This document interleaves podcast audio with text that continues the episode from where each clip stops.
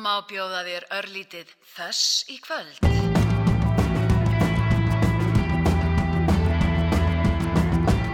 Ég er í partíi á njálskötunni Partíi sem ég nenn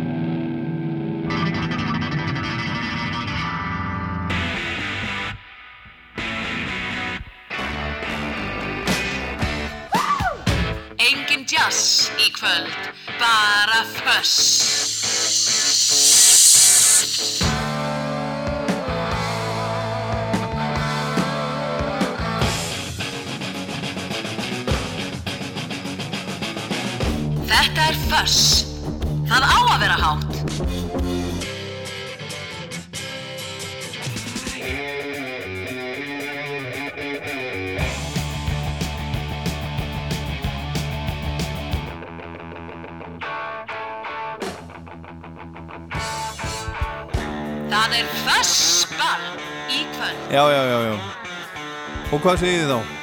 Hvað segið þið þá? Ég heit Ólafur Páll og ætla að spila rock til klukkan 10 í kvöld. Það er það sem að skiptir, skiptir mestu máli. Alls konar rock. Við fáum lag frá vini þáttarins eins og vennilega. Eftir svona korter, 20 mínútur eitthvað svo leiðis. Gestuð þáttarins er hún Erla Stefansdóttir, bassarleikari, tónlistamæður söngkona og bassarleikari í hljómsveitinni Dali til dæmis hefur, hefur spilað með, með mörgum sýsterinnar Unustef dóttir Stefáns S. Stefánssonar sem að samtið Disco Frisco hérna í gamla dag, hún var hérna klukka nýju með uppáhalds rockblötunum sína sem að ég get, ég ætla að segja ykkur það bara, hún er með hljómsveitinni Faith No More. Faith No More. Hérna klukka nýju svo er það Já, Óskarlaugin, ég ætla að opna fyrir síman hérna eftir. 5, 6, 8, 7, 1, 2, 3 svona um áttaleitið, eitthvað svo leiðis taka niður 5 Óskarlaug eins og ég geri, geri alltaf og, og, og spila þau undan bræða laust, það verður bara að vera einhvers konar rock. Og svo er það plata þáttarins sem við heyrum að mista kosti þrjú lög af það er tímamóta plata. Í rocksögunni, þriðja plata Led Zeppelin kom út árið 1970 en það hittir akkurat á þennan dag, daginn í dag að Hljómsveitin var að spila í Danmörku. Og þeir gáti ekki spila undir Seppeli í nafna það var nefnilega það var, það var eh, frænga uh, Seppelins sjálfs sem að hótaði að fara í mál við það þannig að þeir, þeir spiluði undir öðru nafni. Ég ætla að reyna að segja ykkur aðeins betur frá því hérna á eftir þennan dag 1900 og, og er ekki 1970 má ég nú sjá. Það er að reyna að finna þetta hérna. Jú, þennan dag 1970 þá spiluðu þeir undir nafninu að ég segi ykkur það bara. The Knobs vegna þess að Eva von Zeppelin sem var ættingi eh, mannsinn sem að sem að hannaði Zeppelin loftfarið hún hótaði að fara í, í mál við þá, það er bara þannig. En þetta verður rock í kvöld alls konar rock, gamalt og nýtt og hérna næst fáum við svolítið nýtt. Byrjum hérna á, á reyndar á nýju eða nýlegu. Hljómsveitin Skoffín og Reykjavík og lag sem að heitir Síkarettur og Vín þessi hljómsveit kemur frá Dublin á, á Írlandi. Og hérna syngur Eli Hewson sem er sonur Bobs Hewson, heitir hann ekki nei, hann heitir ekki Bob Hewson, það var afinn. Hvað heitir þetta Bono. Manna ekki nákvæmlega eins og er. En var sonur hans Bono að syngja í þessu bandi sem að heitir Inhaler. My Honest Face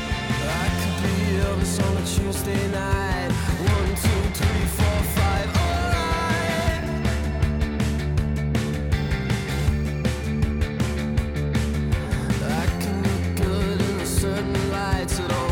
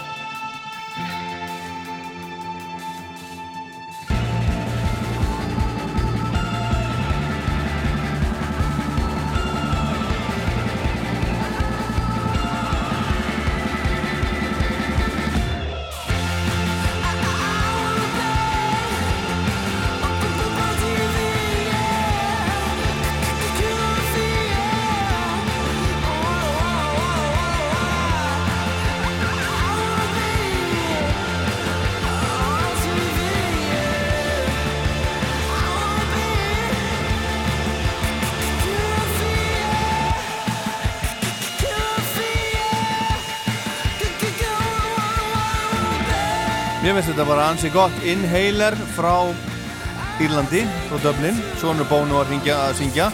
Ég var eitthvað að, að reyna að koma í útubverðin á hann hvað hann hétti hann Bónu, hann heitir ekki Bob Hewson það er sætt afi þessa Eli sem er að syngja.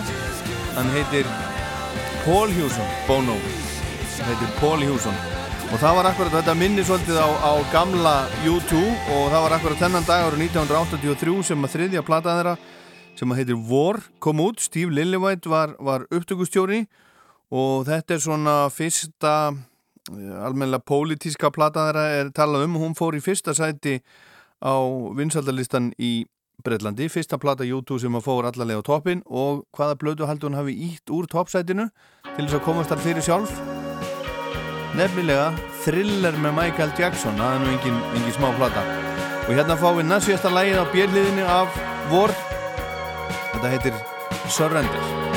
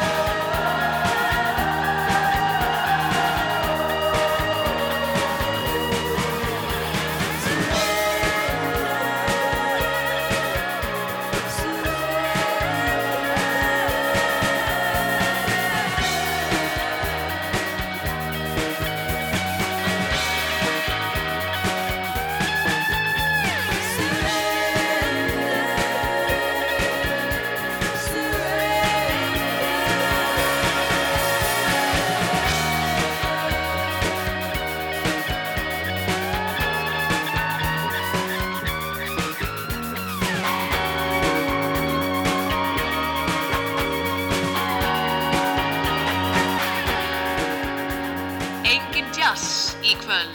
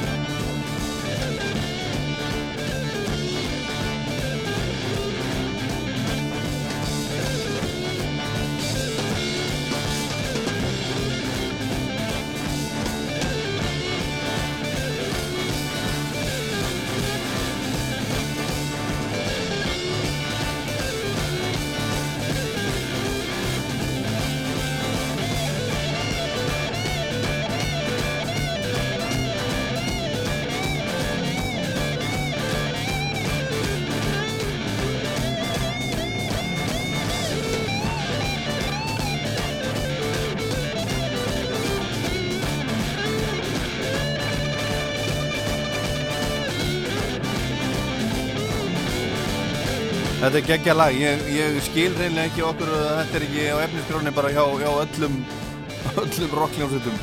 Þetta hefur komið út með Judas Priest og þetta hefur komið út með Girl School sem 1980 en þetta er uppröðlega útgáðan með hljómsveitinni Gunn sem var bresk, bresk hljómsveitir voru þarna Bræður, Paul og Adrian Gurvits sem að setna áttu svo eftir að spila með, með Ginger Baker úr, úr Cream í hljómsveit sem að, sem að kölluðu Baker Gurvits Army en þetta náði eh, hátt á vinsaldalistan í Breitlandi árið 1968.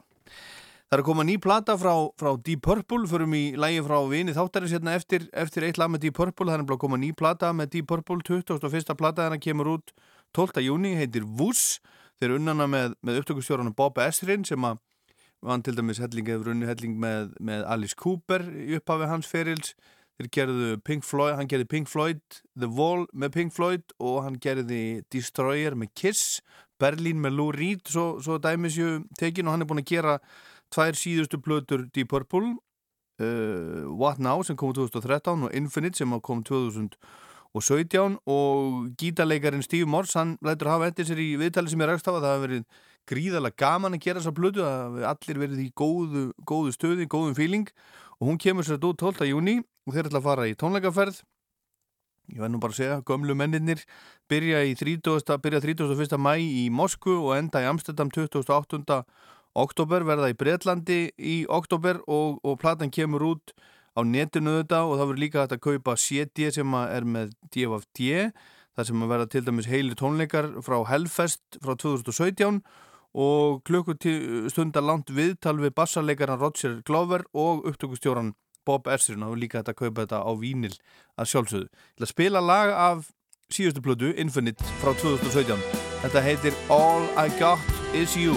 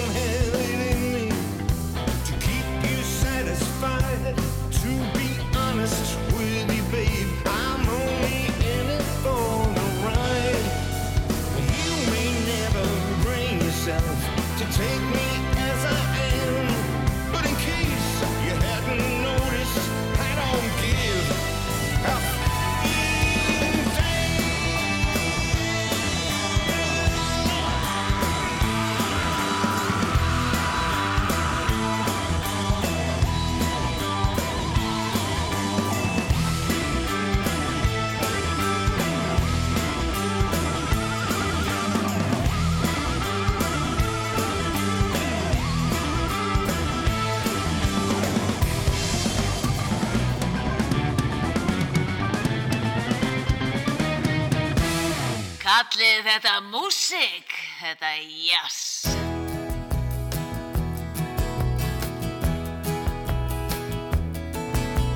Nú já já, er þetta nú, er þetta nú rock? Þetta er Eagles sem allir þekkja, en ánast allir og margir myndu segja hún ætti ekkert heima í þætti eins og þessum sem að heitir þar sem við spilum rock en Eagles er hörkur rockband þegar þeim sýnir svo og eins og öllum er ljóst með frábæra hljófara leikara og jafnvel enn betri söngvara. Þetta segir vinur þáttarins. Einhver hluta vegna er hardcore rockundum mjög í nöp við Eagles og þeirra tónlist og margir þeirra hata Eagles og ég hef alveg tekið til því að, að eftir að eftir að kveikmyndin The Big Lebowski slói gegn út um allan heim þá er uh, svona ákveðin kynsla á fólk sem að kannski þekkir ekkert þessa hljómsveit þeir bara þóliki Eagles I hate the fucking Eagles eins og the dude segir í myndinni. En Eagles var stofnuð í Los Angeles árið 1971 og tilur þennar var að Glenn Frey, gítarleikari og Don Henley, trommuleikari voru fengnir til að spila á tónleikaferð söngkonuna Lindu Ronstadt sem var að fylgja eftir plötu sinna sem heitir Silk Purse en hún var stór stjarnar á þessum tíma í bandarækjónum og í hópin bættu svo þeir Bernie Lidon gítarleikari og mandolinleikari sem var þekktur úr country-senunni og Randy Meisner bassarleikari sem kom einnig úr country-deldinni að þessum uh, tónleikatúr loknum sem gekk vel ákvaða fjórmenningarnir að stopna eigi band sem að þeir nefndu The Eagles. Og í upphafi félagsins voru þeir meira á country og western línunni og tvær fyrstu plötur þeirra seldust í miljónu upplægi og þeir eru þeim vinsalasta hljómsveit heims. Smátt og smátt fjarlæðust þeir þessa hefðbundnu country og western music og uh, já, með tilkomu Don Felder gítarleikar 1974 og enn meira þegar Joe Walsh gítarleikari kom til Lisvið á árið setna þá voru þeir odnir bara hörku rockband, hvað sem hver segir. En þeir hafa samt aldrei alveg sleft tækinu á country-músikinni. Eagles hafa frá fyrsta degi verið eitt stærsta og vinsalasta bandsögunar og blötur þeirra sem er ekki nema sjö selst í miljónu upplægi og þeir hafa alla tíð verið eitt vinsalasta og eftirsóttasta tónleikaband sögunar verið ennþá að spila og vinnur þáttarins, hann velur hand okkur laga af þriðjuplötunum þeirra sem heitir On the Border og kom úr 1974 þegar þeir voru að þróast svona úr countryinu yfir í meira rock. Lagið er hérna Already Gone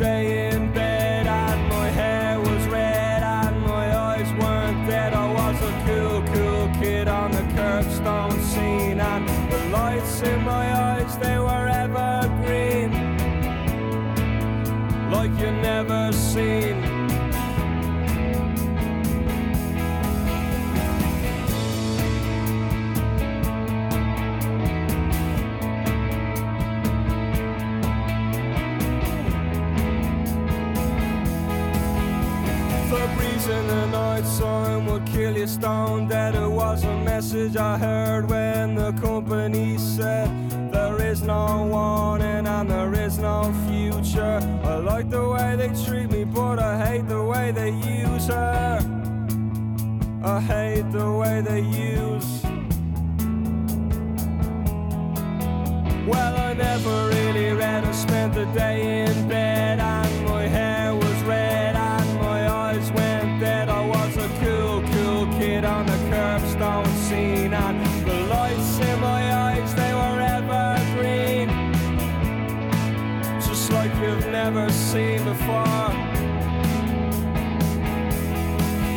They said the breeze in the night time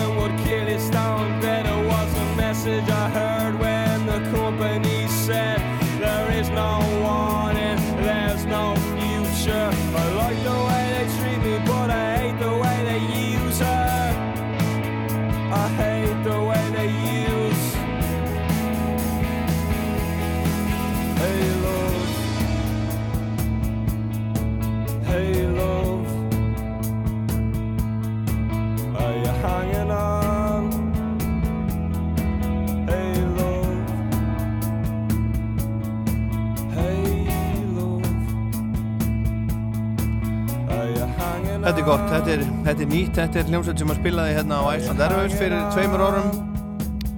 Frá Dublin Fountains DC af plötu sem að heitir Dogrel, þetta heitir Roy's Tune hérna í Fuss þegar klukkan er uh, bráðum þrjár mínútur gengin í nýju og komið að síma tíma nú vil ég að þið hendilega takið upp takið nú upp tólið og ringið í mig. Ég ætla að spila nokkru auðlýsingar og svo vil ég heyri ykkur. 5, 6, 8, 7, 1, 2, 3 það er bara einregla, það verður að vera rock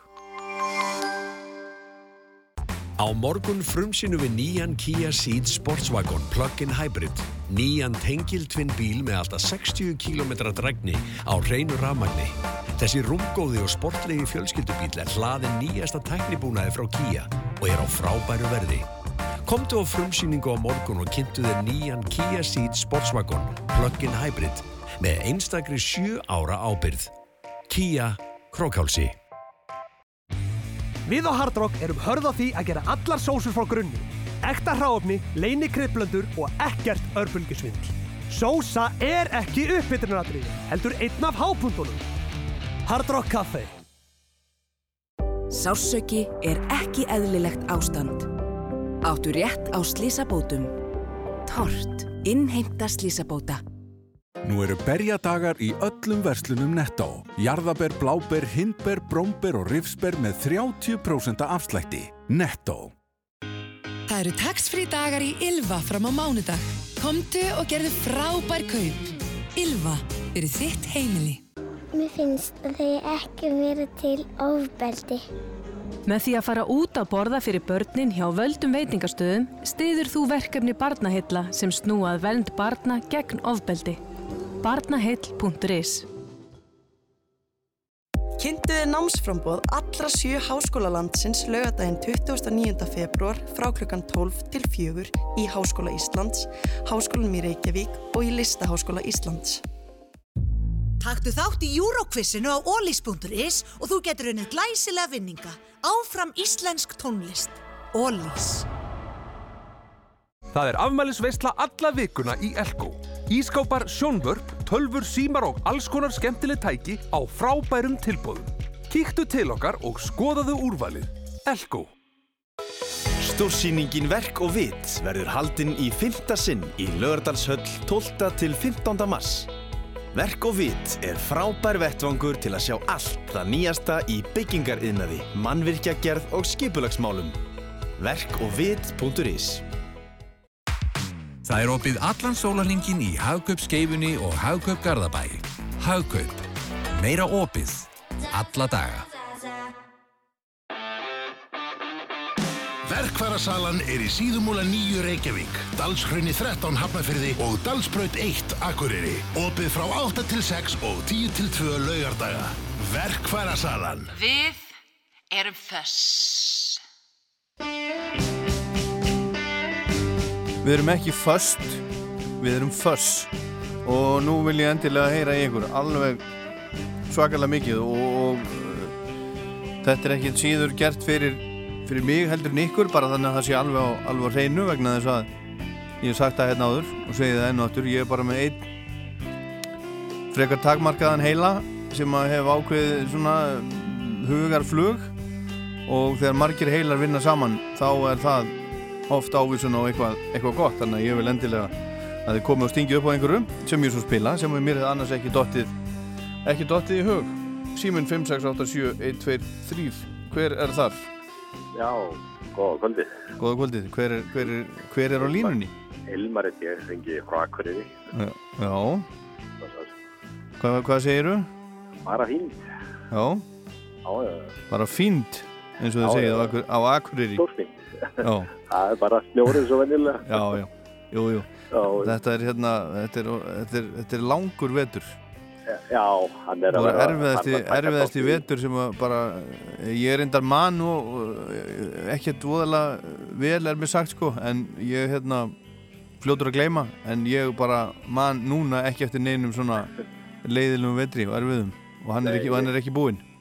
Nei, nei, það held ég ekki. Ég var akkurat í Grindavík í dag, eða í nótt, sko. Það var náttúrulega óvinni mikið þar. Já, já En vonandi fer, fer þetta allt saman vel hvað sem Já, er, já. allt saman Já, já, Herðu, það er gert að hinga til. Já, en, en hvað hérna hvað allar að bjóða okkur upp á? Við huga þarna heimamenn með ham. Já, Það er, ég hérna var um tjana að keira frá Neskustad til Reykjavíkur og var að spila ham þarna og akkurat til ég er að þetta lag er að renna í gegn já, þá keiri ég fram með veitingastað sem heitir heimamenn. já, já, já, já. Það er alveg kostuleg. Já, já, ég hitti mann í, í Vestlun, einn í Reykjavík í, hvernig var það? Uh, bara í gær, sem er gammal hama aðdáandi, hann sagðist að það var séð á hverju einustu tónleika sem hann gatt, svona í kringum 1990, fyrir og eftir 1990. En hann sagði, ég nenni ekki að sjá þá í dag. Þeir geta ekkert spilað, þeir eru ekki neinu formi og ekki neitt, sko. Ég er nú ekki, er ekki sammála því. Nei. Við erum ekki sammála því. Frábært að sjá það þegar þeir koma Já. á norður. Já, já. Herðu, heimamenn með ham fyrir Hilmar á Akureyri. Já. Takk fyrir að ringja, hafa það gott. Já, takk hérlega. bless, bless. Já. Róstuða? Halló? Já, góða kvöldið. Góða kvöldið. Er þetta að fela þig eitthvað fyrir mér?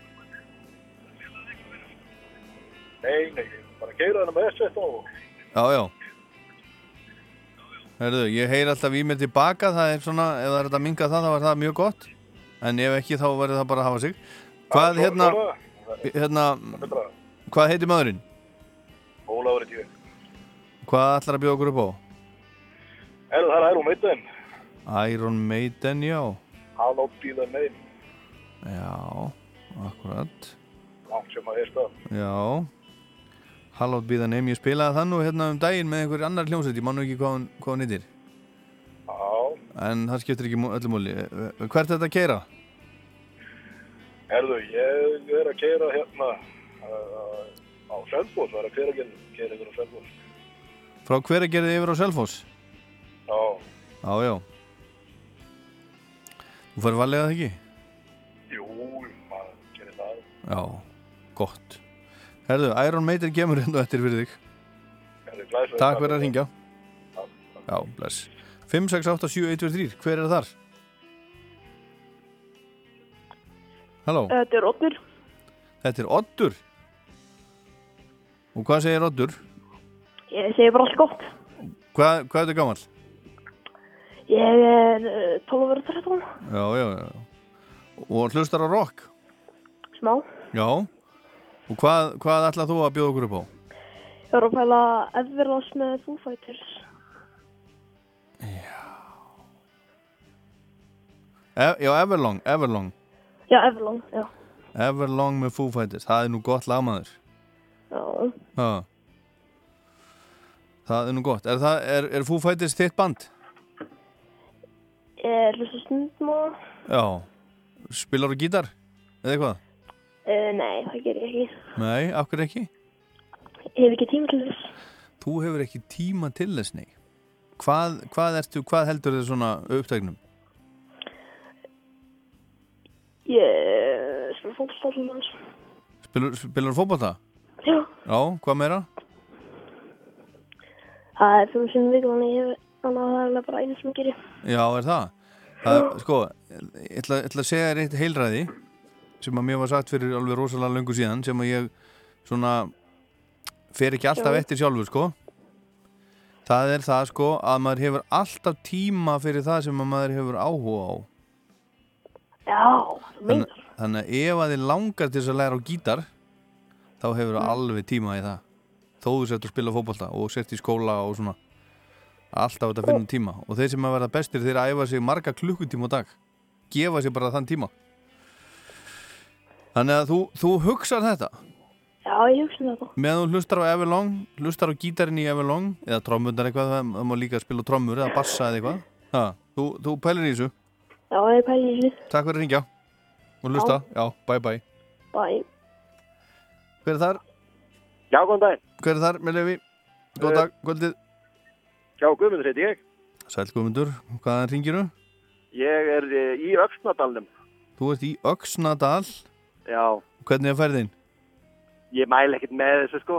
Nei, þetta er leiðilegt Það er svona, er verða ófært. Já, ég var, var, það var nú ekkert ófært í gær Ég var að keira hérna og Reykjavík upp á Akranes í gær Svona setnipartinn og það var Þetta er, þetta er, þetta er bara svo leiðinlegt Já, ég var nú reyndar á kjálnesinu í gerð líka, það var ekkert stöð sko. Nei, það eru En, bílar eh, út af allavega og ma- maður er svona, það er rók og hálka og bílinn fígur kannski pingu lítið til og, og þetta er svo, og ég hugsa alltaf djúvill er þetta leiðinlegt, ég nenni þess ekki Já, ég er fullkvæmlega samanlega. Hérna, þessi betur verið verulega góður bílstjóri. Þannig. Já, gott Herðu, hvað ætlar að bjóða okkur upp á? Herðu, getur við fengið að heyra smá Queen? Við erum að fara að græna hattin að hlusta Queen. Já, Queen sjóið er að byrja núna eftir, eftir tepa 2 Já, cirka bát. Náðu þið ekki alveg? Jú, við erum Hvaðan er það að keira? Við lögum að stafa Reykjavík. Ég ert að meina þetta? Já, við erum hljómsveitin. Þið eru hljómsveitin Nei, það eru hérna tveir úr henni, já. Já, ég var einmitt auðvitað um að ringi ykkur Já, þetta er, er alltaf hafa. Og hver er, er, eru með þér í bílnum? Herðu, Einar Þór er aftur í Já, og, hérna, og, og, og Gunnar Sig, hljómaður, er að keira. já, já, já, já. En, en hérna, og þú ert Guðmundur, ert, ert þú í Já, ég heiti? Guðmundur- Magni. Hérna, Já, þetta, er þú Ég ætla ekkert að segja það, sko, þetta er er. Ég var einmitt að pæli að, hérna, ég var að pæli að ringi ykkur Já, já. Herðu, er- ég ætla, ég var, var, var með spurningu, sko, er þetta, er, þú veist, hvað er það að spila mikið af svona minna þekktum lögum? Sko við erum með alveg, hvað er við með, 27-8 lög á, á, á listanum sko Já, og við förum alveg í svona, við erum það, við verðum að spila stóru lög, eina sjálfsögðu. Já, já. Og en þú veist við... Þú ert að reynum Bohemian Rhapsody og Já, já, We Will já, Rock bara- You og það saman Já, já, sjómaskon og allt þetta dóttir í. En hérna, það er svolítið mikið katalógur sem þessi menn eiga. Já, en við reynum líka, veist, Stone Cold Crazy er upp á allt í mér sko þannig að það er verið að minni og, og hérna Lap of the Gods höfum við tekið og, og bara, þú veist Já. Seven Seas og allt þetta. Þetta er, þetta er, þetta fáranlegt sko. Já, þetta er náttúrulega bara eh, Þetta eru risar, risar úr, Já. úr, úr roksögunni En hvað hérna, hvað skal ég segja þér eh, hvað var að heyra? eh, Ég var alveg til í bara Stone Cold Crazy, það er svolítið mikið fæsir í sko. Stone Cold Crazy, já, já. Náttúrulega til með Metallica líka. Það er hérna En við spilum það ekki núna, spilum það ekki núna. Spilum það með, með, með Queen að sjálfsögðu hérna, Og þið byrjaði að spila klokkan tíu Þið, þið, þið náðu þessu segiru? Já, stráðum er búin að stilla upp, það er allt tilbúið sko. Já, já En býtu þú átt heim á Akureyri, Magni? Ég, ég, ég, það heitir að frí, hann ég fór suður í gær með fjölskylduna Já, já, og skildur Já, fjölskyldin hérna- eftir fyrir sunnan? Já, ég er að fara aftur suður á morgun sko. Já, það? Þetta er ekkert snjált sko. Nei, þetta er ekki, ég hugsaði mitt Já,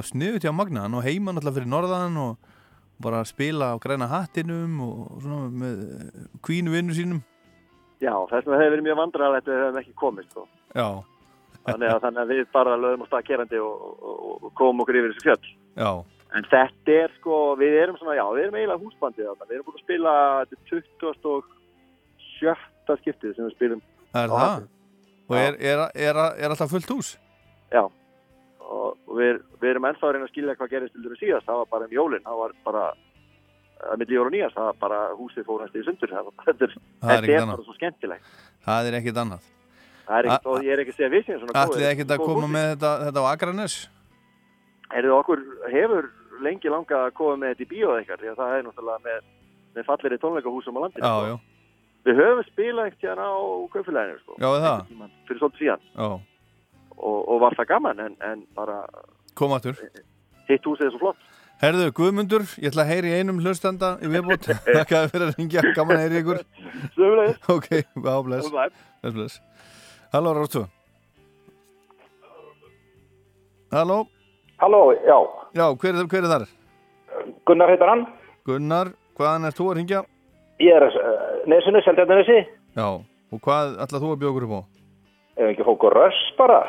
Far Cry. Far Cry Já. Það hefur hefur mér til dæmis aldrei dottið í huga að spila aldrei spila það Nei, það er alltaf að spila lítið að rössi út af finu. Já, já, heyri stundum í þessu þetta Já, já, akkurat. Þess vegna hlusta maður alltaf á þetta. Já, já, gott, gott Herðu, spilum já. Russ Far Cry hérna eftir fyrir Gunnar á Já. Seldjarnisinu Ok, Herðu, takk. takk fyrir að hringja, það var gott. Þá er óskalögin komin og þá er það þá er það plata þáttarins, það er komið lungu komið tími á lag af, af plötu þáttarins sem er Led Zeppelin nummer 3 kom út í oktober 1970 og það er veist, hálf öld síðan það var rétt tæp hálf öld. Og á þessari plötu sýnir rocksveitin Zeppelin á sig svolítið svona mýgri og þjóðlega skotnar í hliðin hún var þekkt fyrir þá. En hluti plötunar er undir áhrifum frá, frá ennskum þjóðlega sveitu sem voru hvað vinsanastar á þessum tíma um 1970 hún byrjar platan á, á, á Íslandslæginu sem allir þekkja sem ég spilaði bara held ég núna um daginn. Spilaði, já ég spilaði í Rocklandi núna um daginn þegar ég var að tala við, við Þorstein Ekkersson lagið sem að þeir segja We come from the land with the ice and snow and the, hot, and the midnight sun and the hot springs below Hammer of the gods. Byrjar á því lagi.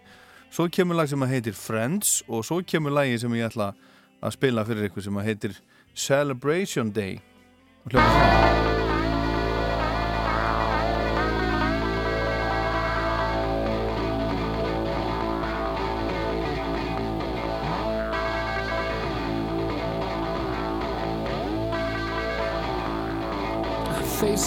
from smiling, all the fears that she's been hiding. And it seems that pretty soon everybody's gonna know.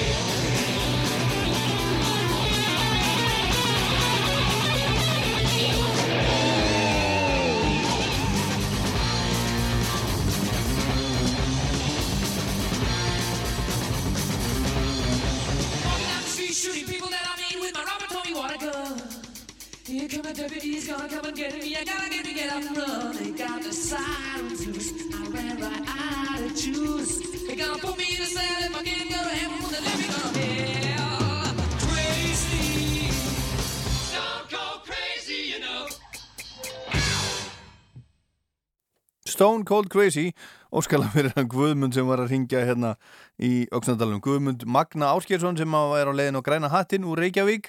Heimdi sín og Akureyri í vetrafríi eh, með börnin í Reykjavík svolítið sérstætt en, en the show must go on eins og það segja.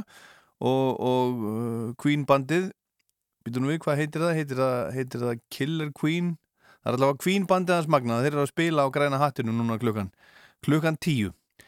Og það sem ég ætla að spila hérna næst, næsta óskarlag er spilað fyrir, fyrir uh, hann hann, um, hann Gunnar sem var að ringja af Seltetanisinu hann sagði að heyrist alltaf lítið í, í Russ. Hér er Russ sem hann baðum Far Cry. Þetta er Russ 2007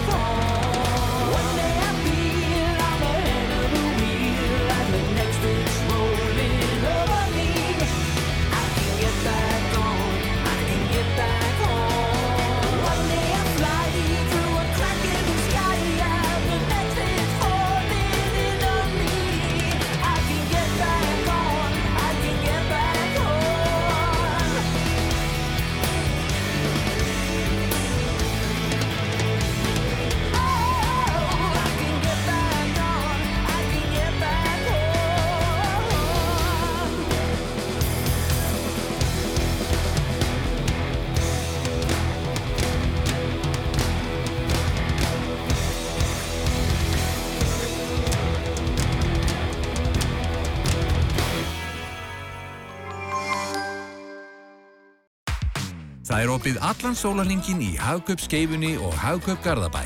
Hagkaup. Meira opið. Alla daga.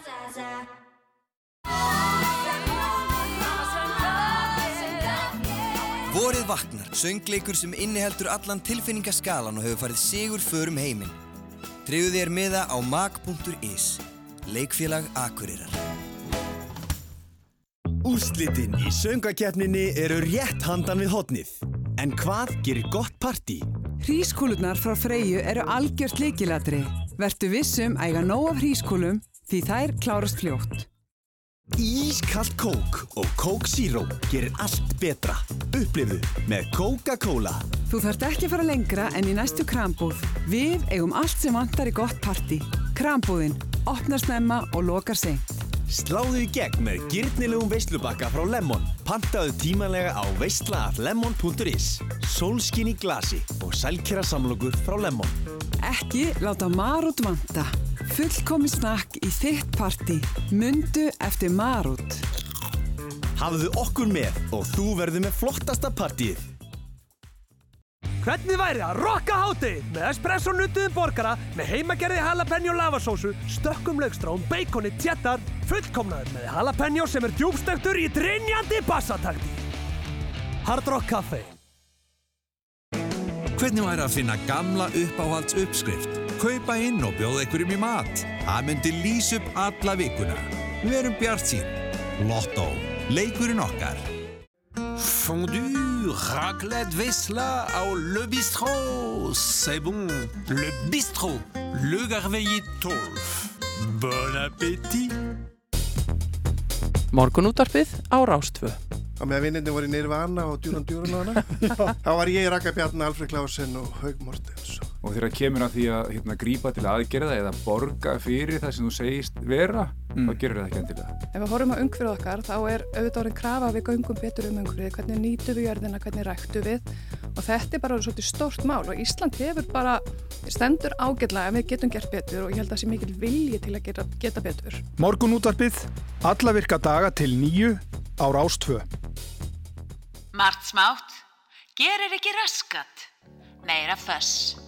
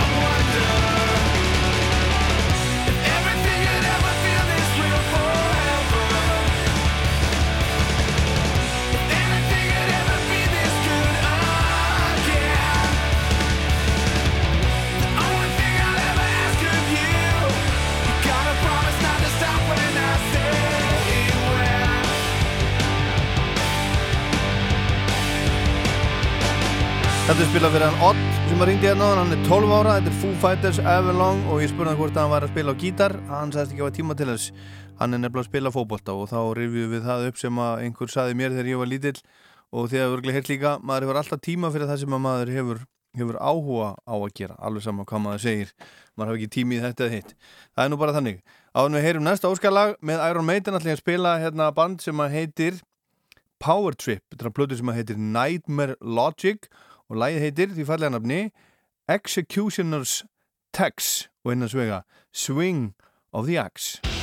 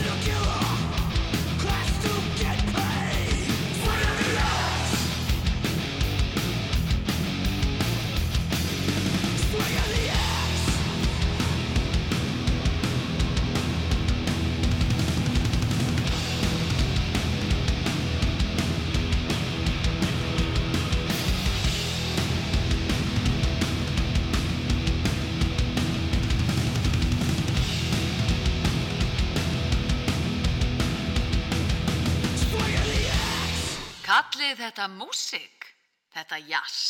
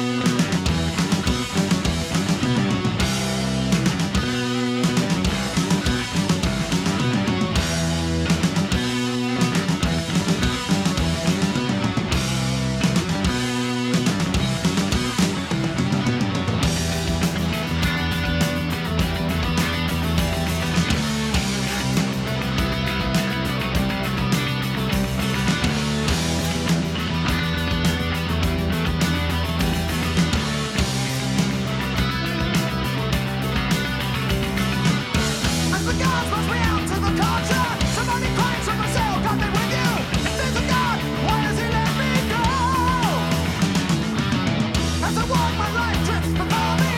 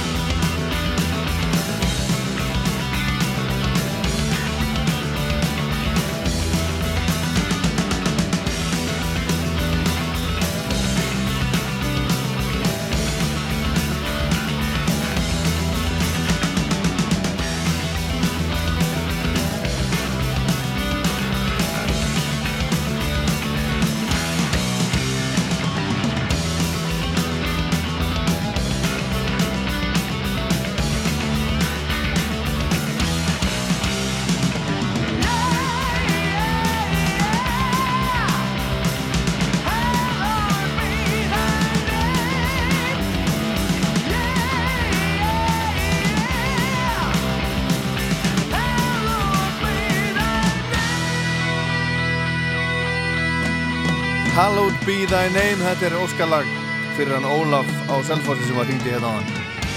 Iron Maiden.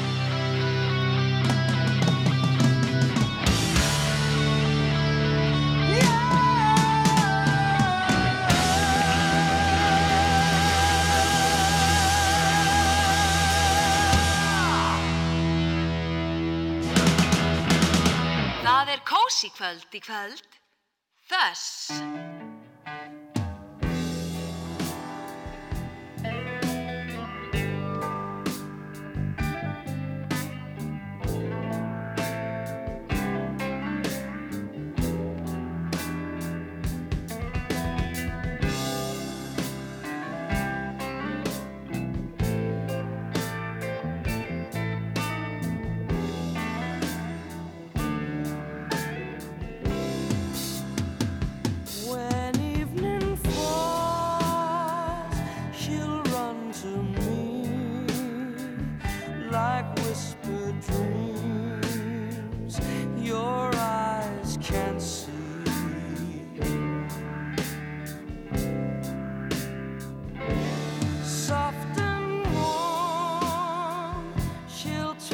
my friend.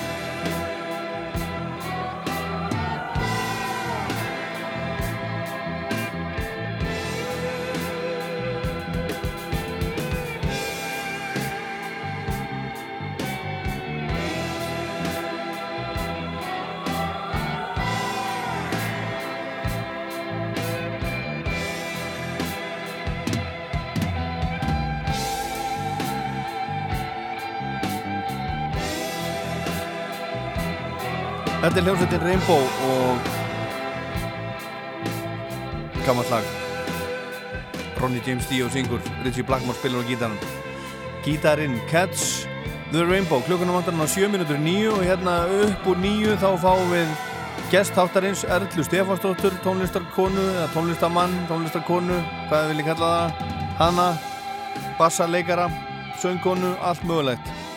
Hún mætir með uppáhalds rockblötunum sína sem er plata með Faith No More en það er Led Zeppelin sem á blötu þáttarins þriðju blötuna Led Zeppelin nr. 3 sem kom út í oktober 1970 og þennan dag árið 1970 þá spilaði Led Zeppelin tónleika í Kaupmannhöfn undir nafninu The Knobs og það gerist þannig að já, Led Zeppelin heitir eftir, eftir Zeppelin loftfarinu sem að uh, já, eitt svona loftfar það, það fórst í, í, Hindenburg loftfarið það það,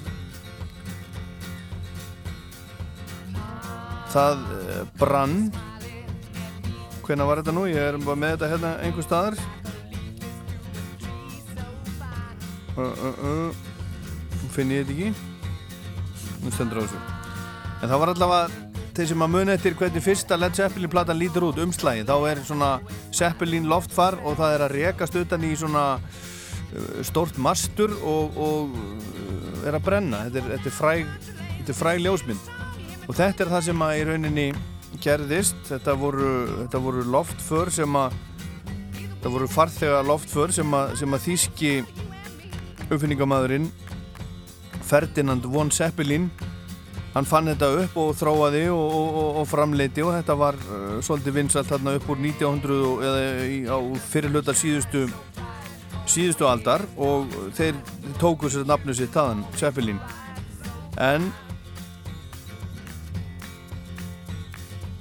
það var þennan dag 1970 sem að þeir voru, þeir voru byrjaður að undirbúa uh, gerð þessara plötu en fóru í tónleikaferð með Európu og voru að spila sér þetta í Kaupmannahöfn 28. februar 1970 en þá bar svo við að að ættingi e, Seppelins sjálfs sem að heitir frá og ég veit ekki hvort hún er á lífi en þá frá Eva von Seppelin hún hótaði öllu illu hún hótaði málaferlum og, og bara, hún vildi ekki að þið notuðu þetta nafn, fannst þetta óverðing við, við frenda sinn og, og fjölskyldura sína þeir var að nota nafnið með þessum, þessum hætti. Og, og hún hún sann sagt hótaði bara hér á lögfræðingum ef þeir myndu spila undir þessu nafni í, í Kaupmannahöfn þetta, þetta kvöld.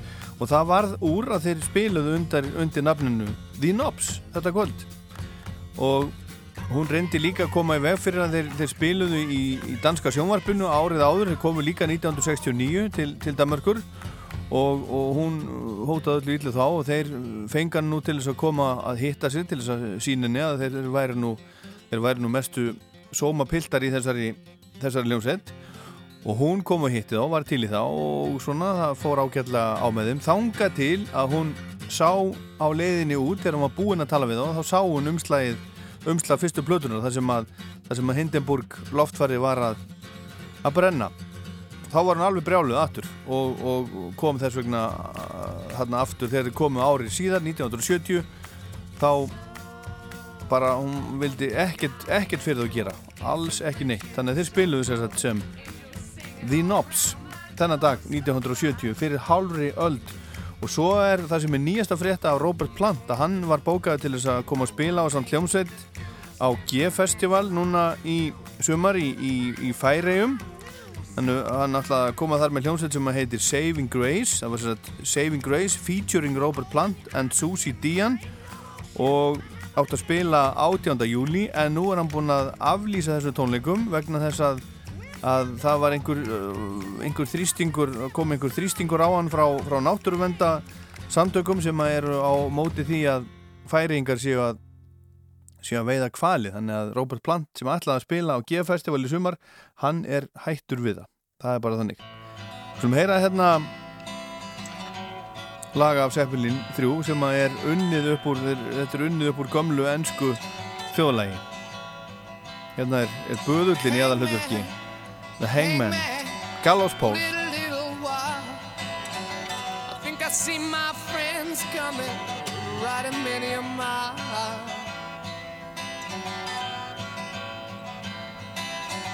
Friends, you get some silver, you get a little gold. What did you bring me, my dear friends? Keep me from the gallows pole. that you bring me, keep me from the gallows pole.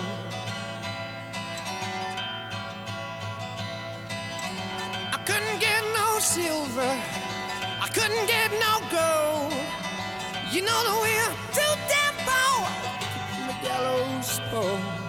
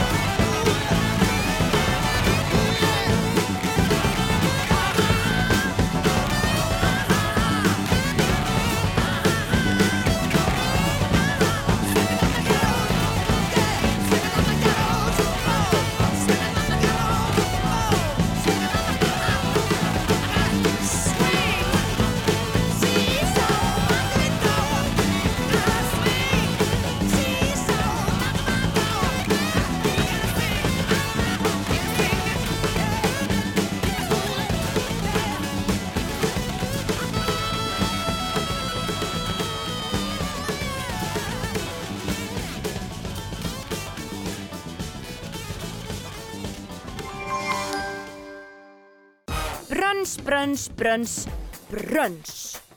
Gerðan heima, miklu ódýrara. Krónan. Óskaskrín er ævintýraleg afmæliskjöf. Óskaskrín fæst í vestlunum Pennans Eymundsson, Hagköps og á óskaskrín.is. Óskaskrín. Upplifun í ösku. Óður til gleðinar. Vinsalu páskatónleikar Sinfoníhljósuta Norðurlands verða í Hófi Akureyri 9. apríl og í Langholtskirkju 11. apríl. Á efniskráni eru verk eftir Maurice Ravel, John Speight og Beethoven. Framkoma stórsöngararnir Ágúst Ólason, Garðar Stór Kortes, Hanna Dóra Sturldudóttir, Helena Guðlaug Bjarnadóttir á samt söngsveitinni Fílharmoníu. Einleikari er Guðný Guðnusdóttir, hljómsveitastjóri Bjarni Fríman Bjarnason. Miðasala á tix.is. Vandar því bókaldskerfi í áskrift? Microsoft Dynamics NAV er eitt mest selda bókaldskerfi landsins. Kynntuður málið á naváskrift.is. Væs. Á morgun frumsýnum við nýjan Kia Ceed Sportswagon Plug-in Hybrid. Nýjan tengiltvinn bíl með alltaf 60 km drægni á hreinu rafmagni. Þessi rúmgóði og sportlegi fjölskyldubíl er hlaðin nýjasta tæknibúnaði frá Kia og er á frábæru verði. Komdu á frumsýningu á morgun og kynntu þér nýjan Kia Ceed Sportswagon Plug-in Hybrid með einstakri 7 ára ábyrð. Kia Krókálsi. Ef þig vantar eitthvað í verkið eða þú vilt faglega hjálp, þá er Bíkó til staðar. Það sem fagmenninni versla er þér óhætt. Bíkó.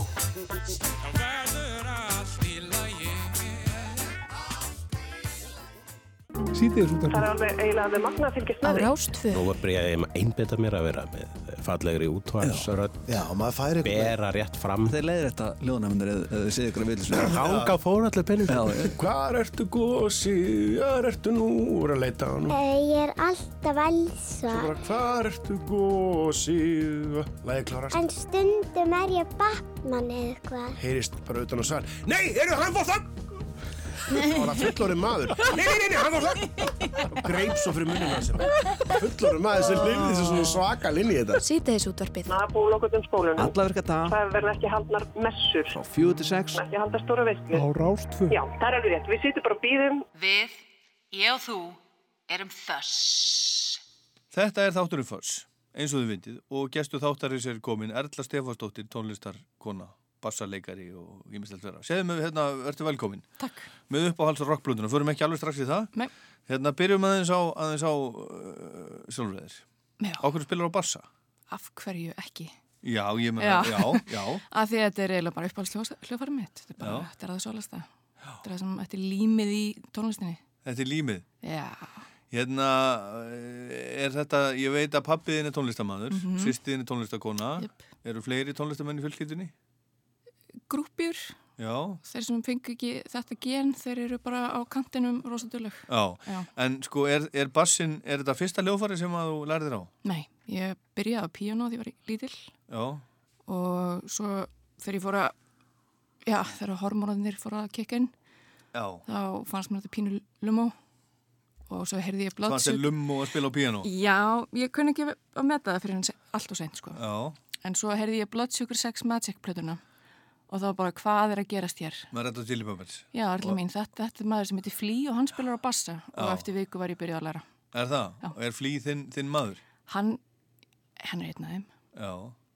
en hann svona sparkaði mér út í þetta, sko. Svolítið skrítið með Red Hot Chili Peppers. Ég hef síðan nokkur sinnum. Mm. Og mér finnst þér alltaf svolítið lélegir á tónleikum. það er mér líka. Er það ekki? Jú. en- Ég er, ég, ég er ekkert einnum með það. Ég, ég, ég mann þegar ég sá það síðast og segi, hvernig stendur á því að þetta band er svona hátt skrifað, hefur náð svona langt og það er alltaf eins og þau séu bara á æfingu. Vist, bara, yeah, I plead the fifth, ég veit það ekki.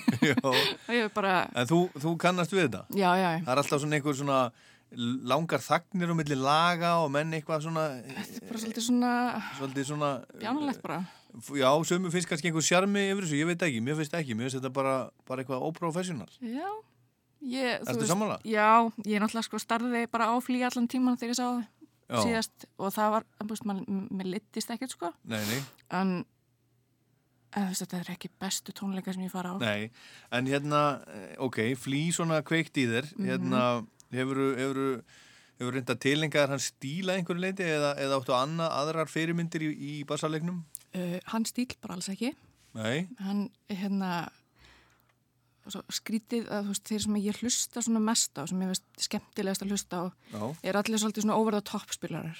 Flea og Jack og allir þessi svona og, en mér finnst ekkert gaman að spila svo leiðis Nei. ég fæ ekkert kikk út af þessu ég er meira, mér finnst it bara vera leikillinn Já. hjá mér Já. en hérna, Þannig að svona, þú vilt að bassin hljómi bara eins og fólk bara taka ekki eftir honum, helst.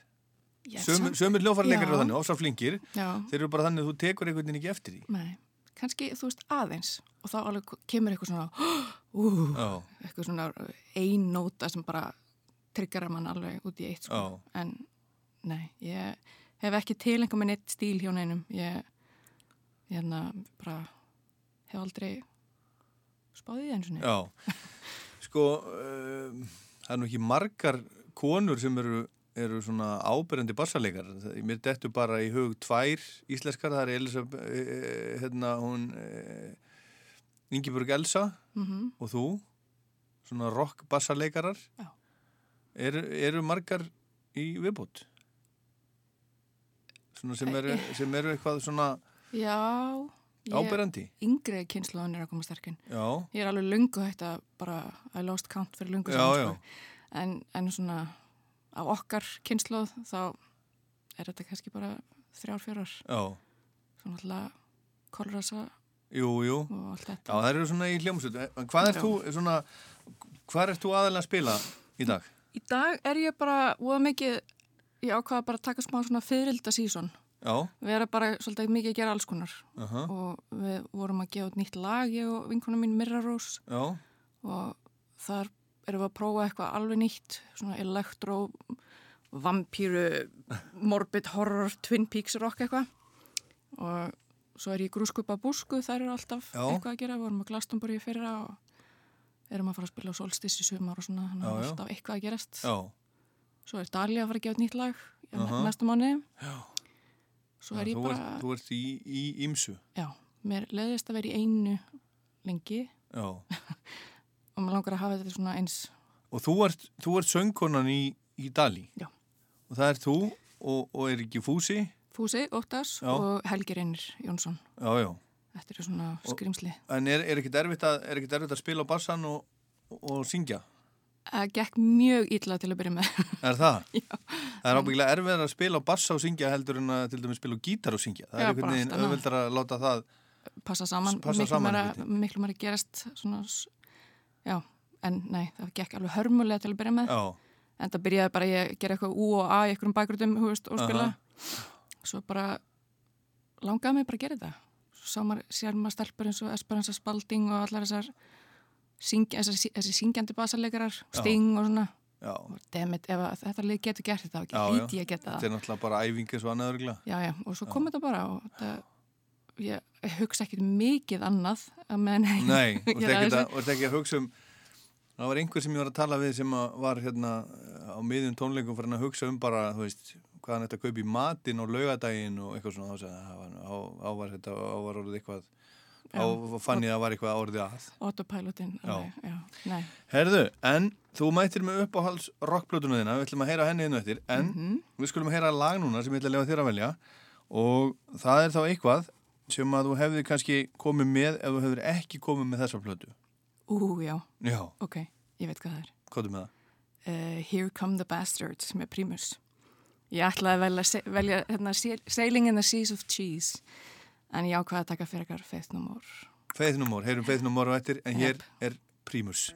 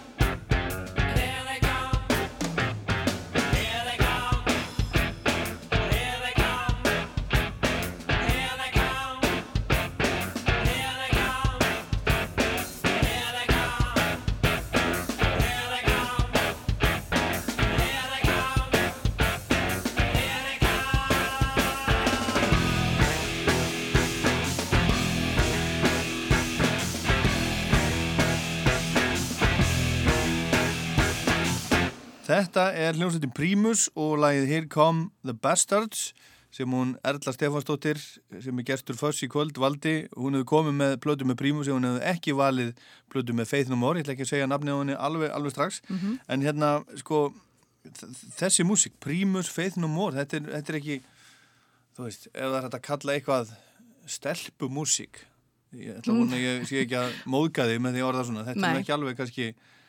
Þetta er ekki alveg, alveg þar, þetta er svolítið, svo- svolítið, svolítið sérstætt, eða hvað? Áttu marga vinkonur sem að hlusta á Primus og, og Faith No More? Örgulega fleiri sem hlustar á Faith No More og enga sem hlustar á Primus. Nei. Ég held að það sé bara, þegar þú segir það, þá bara veit ég ekki. En hvað, sko, Stefán Stefánsson, hérna, uh, saxofónleikar og tónlistamæður er pappiðinn, Mhm. er þetta eitthvað sem að komi honum? eða Sko- er hann einhvers staðar allt annar staðar? Disko og friskó? Við getum byrjað því að ég er miðjubann. Já. Ok, það hefur alltaf sitt að segja. Nei, ég segi svona. Uh, hann er náttúrulega, hann, ég var bara alin upp í jazz, sýsti mér líka og hún fór svona út í R&B, jazz, funk eitthvað núna. En af hverju ég fór einhvern veginn svona datta aðeins á hliðinu og fór að hlusta á prímus og eitthvað svona, eitthvað sem að enginn þekkti á heimilinu. Ég bara, ég átti ekki alveg að því en þá. Ég bara, er eitthvað svona... Þú bara fílar þetta? Ég bara fíl þetta, þetta, þetta, er- þetta er grottarlegt og þetta er Já. skrítið og þetta er pínu off og falskt og, og eitthvað og heldur mann að tonnum þetta er ekkert eitthvað svona smooth sailing Þið finnst ekki gaman að spila þetta? Ég bara get ekki að spila Nei, þú getur ekki spila þetta. Ég myndi gera það ef ég gæti það Já. en uh, nei Ok, herðu, en hérna, en hvað er þetta, ánum fyrir mjög uppáhalds rockblötuna, hvað er, hvað er þetta að hlusta á í, í dag? Er þetta að hlusta á svona í dag, er þetta að hlusta á eitthvað allt annað? Sko, ég tók rosa langt prímustjónbilluna í november, desember, sá Já. það á tónleikum Já. og alveg bara fjall fyrir þeim aftur og núna er ég búin að vera svolítið mikið að hlusta á Wolfpack Aha. Theo Katzmann, gítarleikari og söngvari úr hérna þe þe þeim hópi Já. alveg geggjaður gæði ekki, ekki prímuslegt, alveg Nei. bara hann er bara pop, Já. funk, soul eitthvað, æðislegur Já, þú heldur tryggðu við þitt fólk. Já. Já. Það ekki. Herðu, en það er plata, uppáhalds rockplatan, Mhm. Faith No More, King for a Day, Fool for a Lifetime, frá 1995. Af hverju, af hverju, já, af hverju til dæmis þessi plata af öllum, öllum Faith No More plötunum? Mér finnst hún það er svona mesta fjölbreytnin á þessari Aha. það er alltaf öllu, þú finnur alveg svona þungt rock og pop og smá jazz og smá síru og það er einhvern veginn þeir bland, byrja, byrja að blanda svolítið saman þarna alls konar stílum sem þú voru ekkert að gera fyrir. Já, já.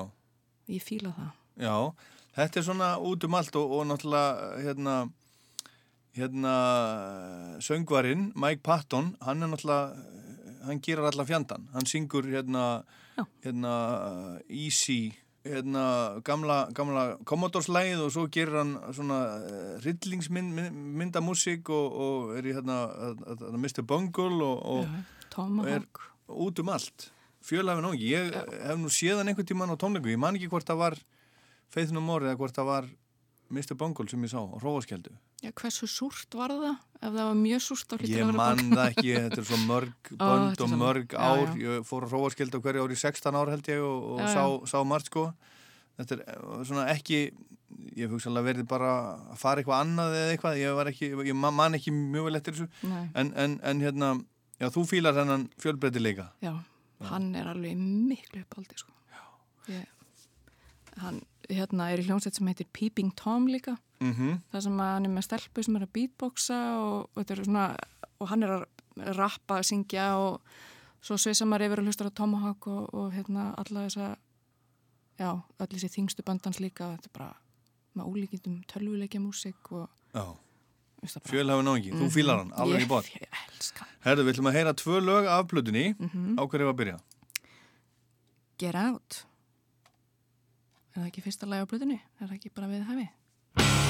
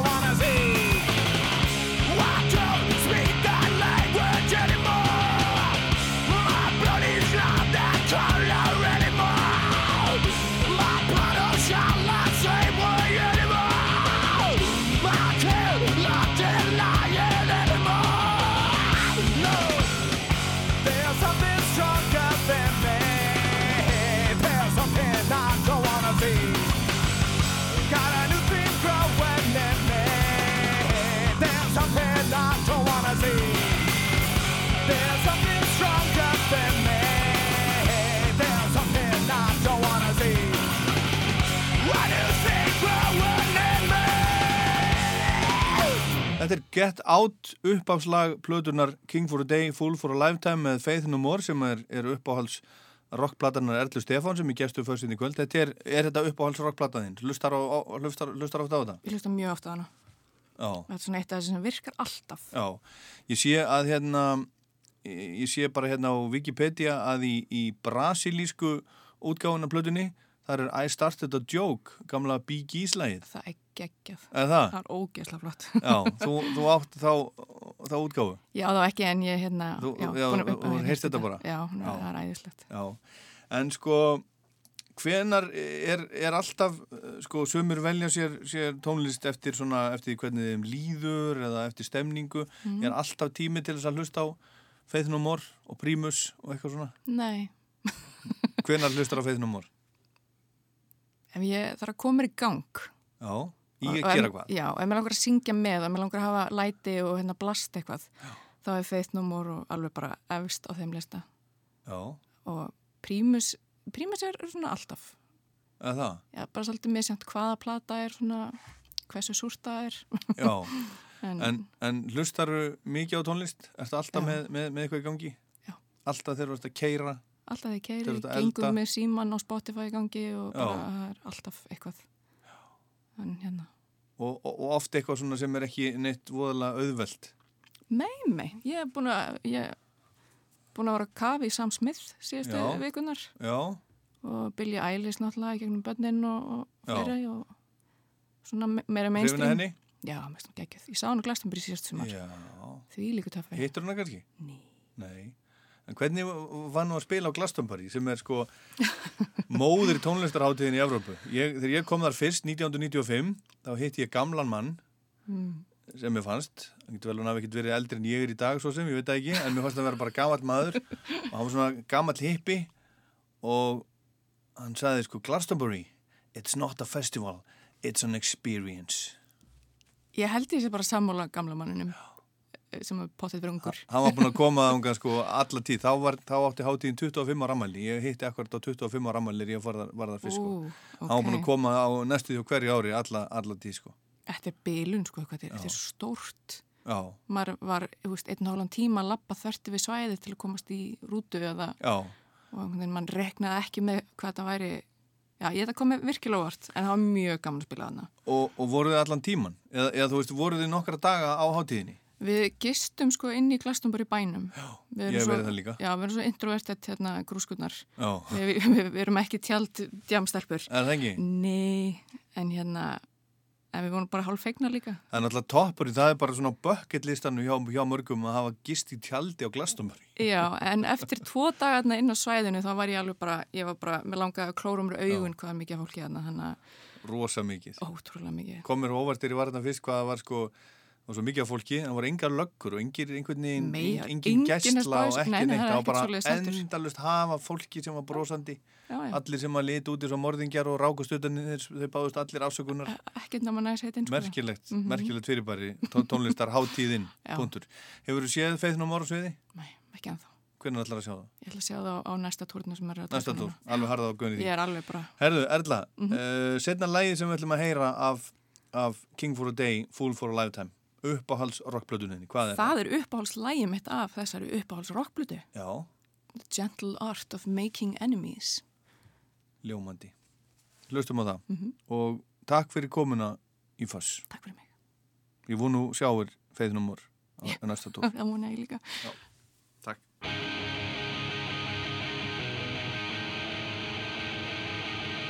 The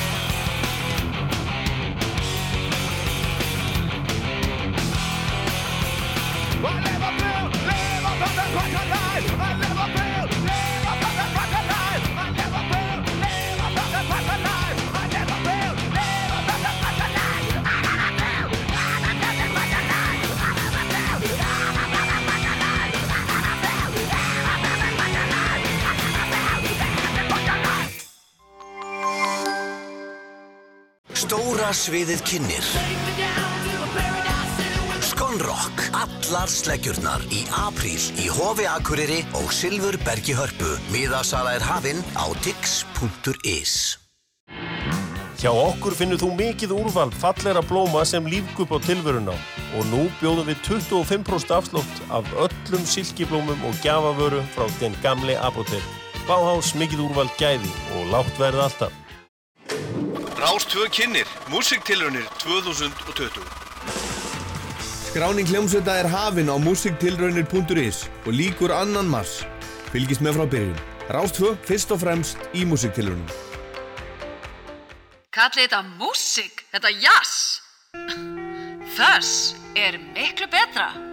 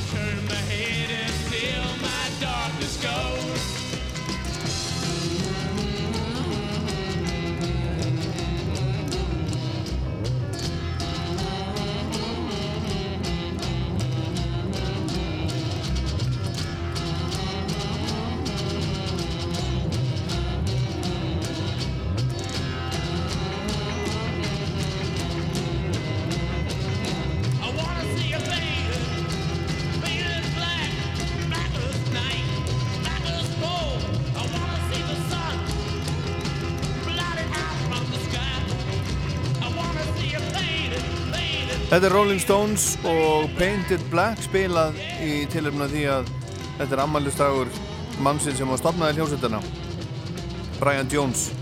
Og hugsa ykkur hvernig hefur að vera uh, Brian Jones hann, hann stopnar þess að hljómsveit hann gefur henni nafn. Reyndar er nafni komið frá, frá lægi frá Muddy Waters en hann gefur hljómsveitinni nafn og hann er hljómsveitastjórin og, og er svona fóringin í hljómsveitinni en svo taka þeir einhvern veginn bara yfir og enda að enda þannig að þeir henda honum út og, og svo, svo druknar hann en hann fættist þennan dag 1942 hann dó 3. júli 1969 druknaði í, í sundlauginu sinni en ég skellti hérna á Facebook í dag hvað ég sk- skrifaði hérna já en hver er hápunktur Brian Jones með Rolling Stones 28. februar var, var amalistagurinn hans og það verður að taka ofan fyrir honum í fuss í kvöld og uh, Rúna Þór skrifar hérna er nummer eitt ef maður hlusta vel á breytinguna eftir að hann hætti að geta spilað og útsett. Já, fjölhæfur segir hann. Hann var Rolling Stones segir einn hérna. Uh, hann á mikið í Painted Black eins hefur, hann, eins hefur verið sagt að hann hafi samið Ruby Tuesday. Eitt skrifar Painted Black hápunturinn og annar No Expectations stingur upp á því Ruby Tuesday, 12 strengja gítarstefi, það er, það er Brian Jones, skrifa Magnús Þór, tónlistamæður, Rúna Þór og Blokkflötan og Jónas Þór, sammála Rúnar, þessi ljúfur hljómar enda löst, Magnús R. Einarsson segir Little Red Rooster, Jakob Bjarnar Gretarsson, Sitting on a Fence, stingur upp á því, Óði Jónsson, fyrirhundi fréttamaður, segir leikur Brian Jones á Marimba í Under My Thumb, flautu og píjónuleikur hans í Ruby, Ruby Tuesday, sítarspilið í Painted Black og leikur þess þess að fjölhafa drengs á, á Mellotron í Caesar Rainbow, þetta kemur fyrst í hugan og Kristján Fríman Kristjánsson segir Painted Black og Aftermath platan. Og Pétur Stefánsson segir frábær munnurbuleikana, hann var þetta merkilegur, mjög merkilegur merkilegur náungi. Átti ammælisar þennan dag. En þennan dag árið 1985 þá lést uh, David Byron söngvari úr, úr Júria Heep hann var með, hann var með uh, livrarsjúkdóm og hann fekk uh, hann var flogaveikur, fekk flogakast og, og dó. Til að spila hérna lag sem heitir The Wizard. Og hérna syngja þeir saman uh, Mark Clark sem er annar höfunda þessa lags Ken Hensley, hann samti þetta, þeir samti þetta sem sagt saman. Og þeir syngja hérna saman Mark Clark og David Byron The Wizard af plötunni Demons and Wizards frá 1972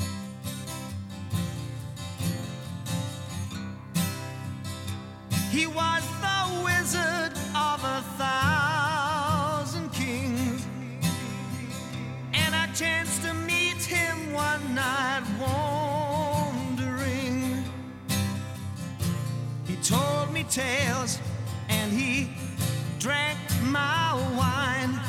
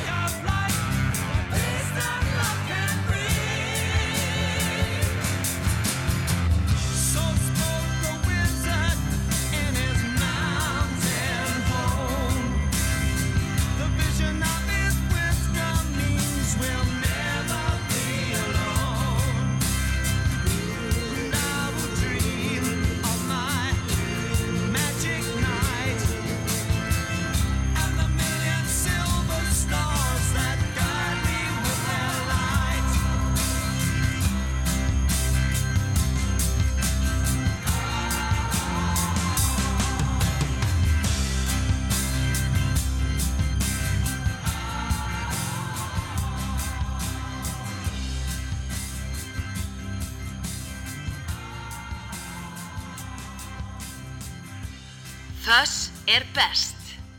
Ískalt. Þess er best. Ískalt. Þú varst búinn að segja það.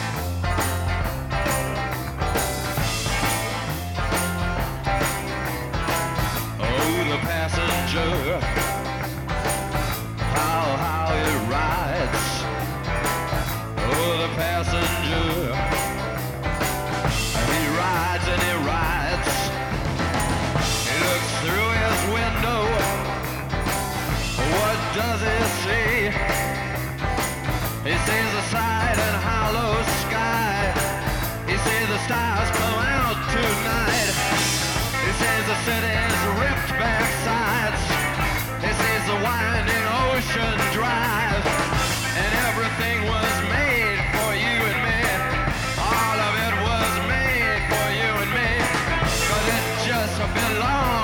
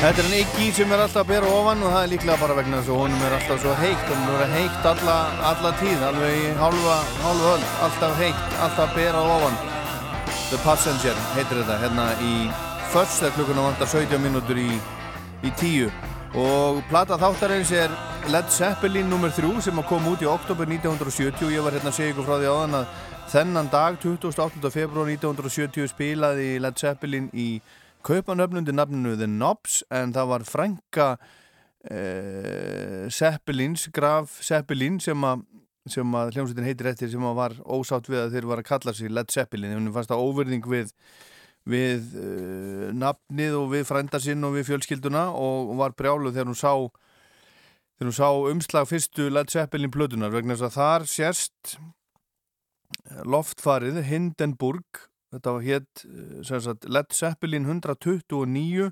Hindenburg það eðilaði sem sagt það, það uh, keiriði á eða þeir voru, voru að reyna voru að reyna ég vonaði viti flest hvað, hvernig þetta lítur út. Þetta er svona, svona uppblásið risastórt loftfar fullt af, fullt af gasi og held ég alveg glend að þetta hafi verið örgla gas í þessu frekar heldur en, heldur en heitt loft.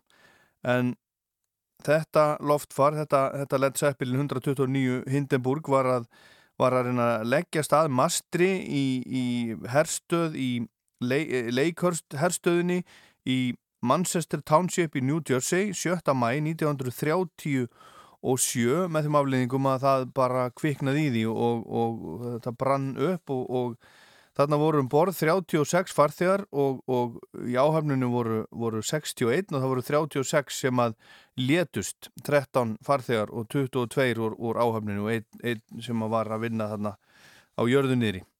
En hún vildi sérst ekki að Led Zeppelin kallaði sig Led Zeppelin. En ég ætla að spila eitt lati viðbótar af plötunni Led Zeppelin nummer Númer þrjú, hún var, hún var um, tekin upp að miklu leiti í Hadley Grange, gömlu sveitasetri í Hadley í Hampshire í Englandi þar sem margar hljómsveitir æfðu og tóku upp á, á, á sjö og átta tugunum en auk Led Zeppelin unnuð þarna sveitir og listamenn eins og Ian Dury, Bad Company, Genesis, Fleetwood Mac, Pretty Things og fleiri. Og þeir uh, voru að taka upp þarna við Hadley Grange og, og notuðu upptöku bíl sem Rolling Stones átti en þeir voru nú ekki á hverju strái á, á þessum tíma. Það var líka tekið upp í Island Studios og Olympic Studios í London. Ég ætla að spila hérna eitt af þekktustu lögunum á blöðunni þetta þetta er lengsta lægið á blöðunni þetta er frábært. Since I've Been Loving You. Led Zeppelin 1970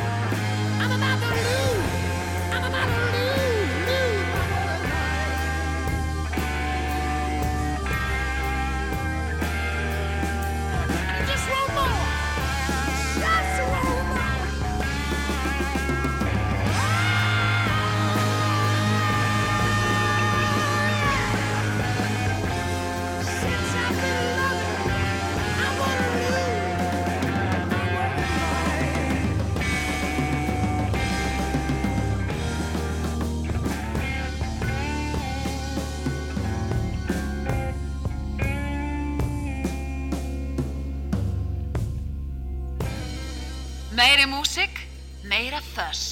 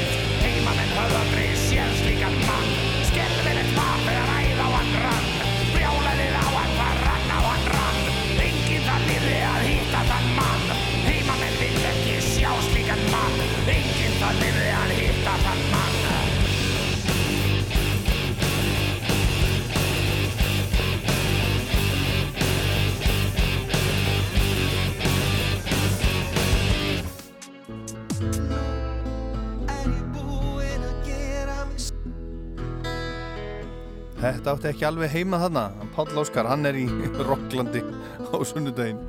Ekki núna. En þetta er fyrst, þetta er búið að vera, vera skemmtilegt. Ég spilaði hérna Óskarlaug það ringdi hérna fólk. þetta var síðast Óskarlagi sem að var enda hérna fyrir hann Hilmar á Akureyri. Ham, heimamenn heitir þetta? Eða heimamenn hafa aldrei séð slíkan mann. Svo spilaði ég Iron Maiden Hallowed Be Thy Name með Iron Maiden. Fyrir Óla á Salforsi fyrir Ott, 12 ára spilaði ég Foo Fighters Everlong og Guðmund Magna Áskeiðsson Magna söngvara sem var að fara hann var, hann var, var í Öksnadalunum, var á leiðinu á Akureyri og Reykjavík var að fara að spila með Killer Queen á græna hattunum og þeir eru að byrja bara núna eftir nokkra mínútur, klukkan er alveg að verða tíu og svo spilaði ég Far, Far Cry með Rush fyrir hann Gunnar af Seldjarnanesunum Plata þáttarins var, var Led Zeppelin 3 og lagi frá vini þáttarins var með Eagles. Þetta er aftur á móti Neil Young, vinnur okkar allra, það kann man alltaf að enda á Neil Young, þetta er að plötu sem að heitir Le Noise, kom út fyrir tíu áru síðan, Daniel Lanois, upptökustjórin, flinki, sem hefur unnið svo mikið með U2 til dæmis og Bob Dylan og fleirum, hann gerði þessa plötu með Neil og þannig eru bara Neil og gítararnir hans í aðalutverki á þessari plötu. Þetta heitir Love and War, þetta var Fuss, ég heit Ólaður Páll, takk fyrir að hlusta, takk fyrir að velja það að hlusta á Fuss í staðin fyrir allt hitt sem þau getur verið að gera í kvöld. Heyrust aftur hérna á sama stað eftir viku. Góða helgi.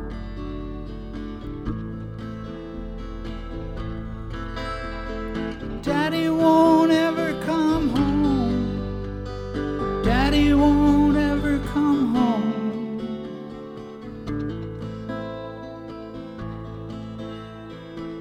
Said a lot of things that I can't take back, but I don't really know if I wanna. In songs about love, I sang songs about war since the back streets of Toronto. I sang for justice and I hit a bad chord, but I still try to sing about love and war.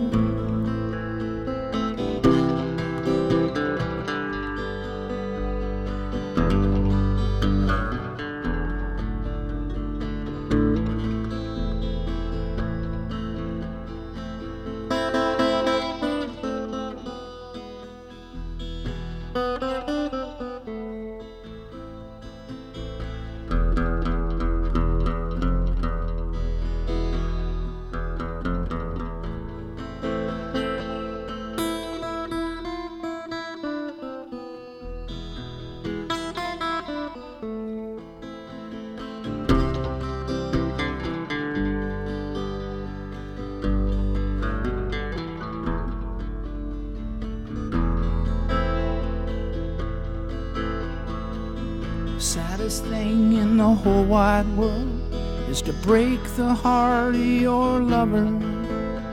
I made a mistake and I did it again. Then we struggled to recover. I sang in anger, hit another bad chord, but I still try to sing about love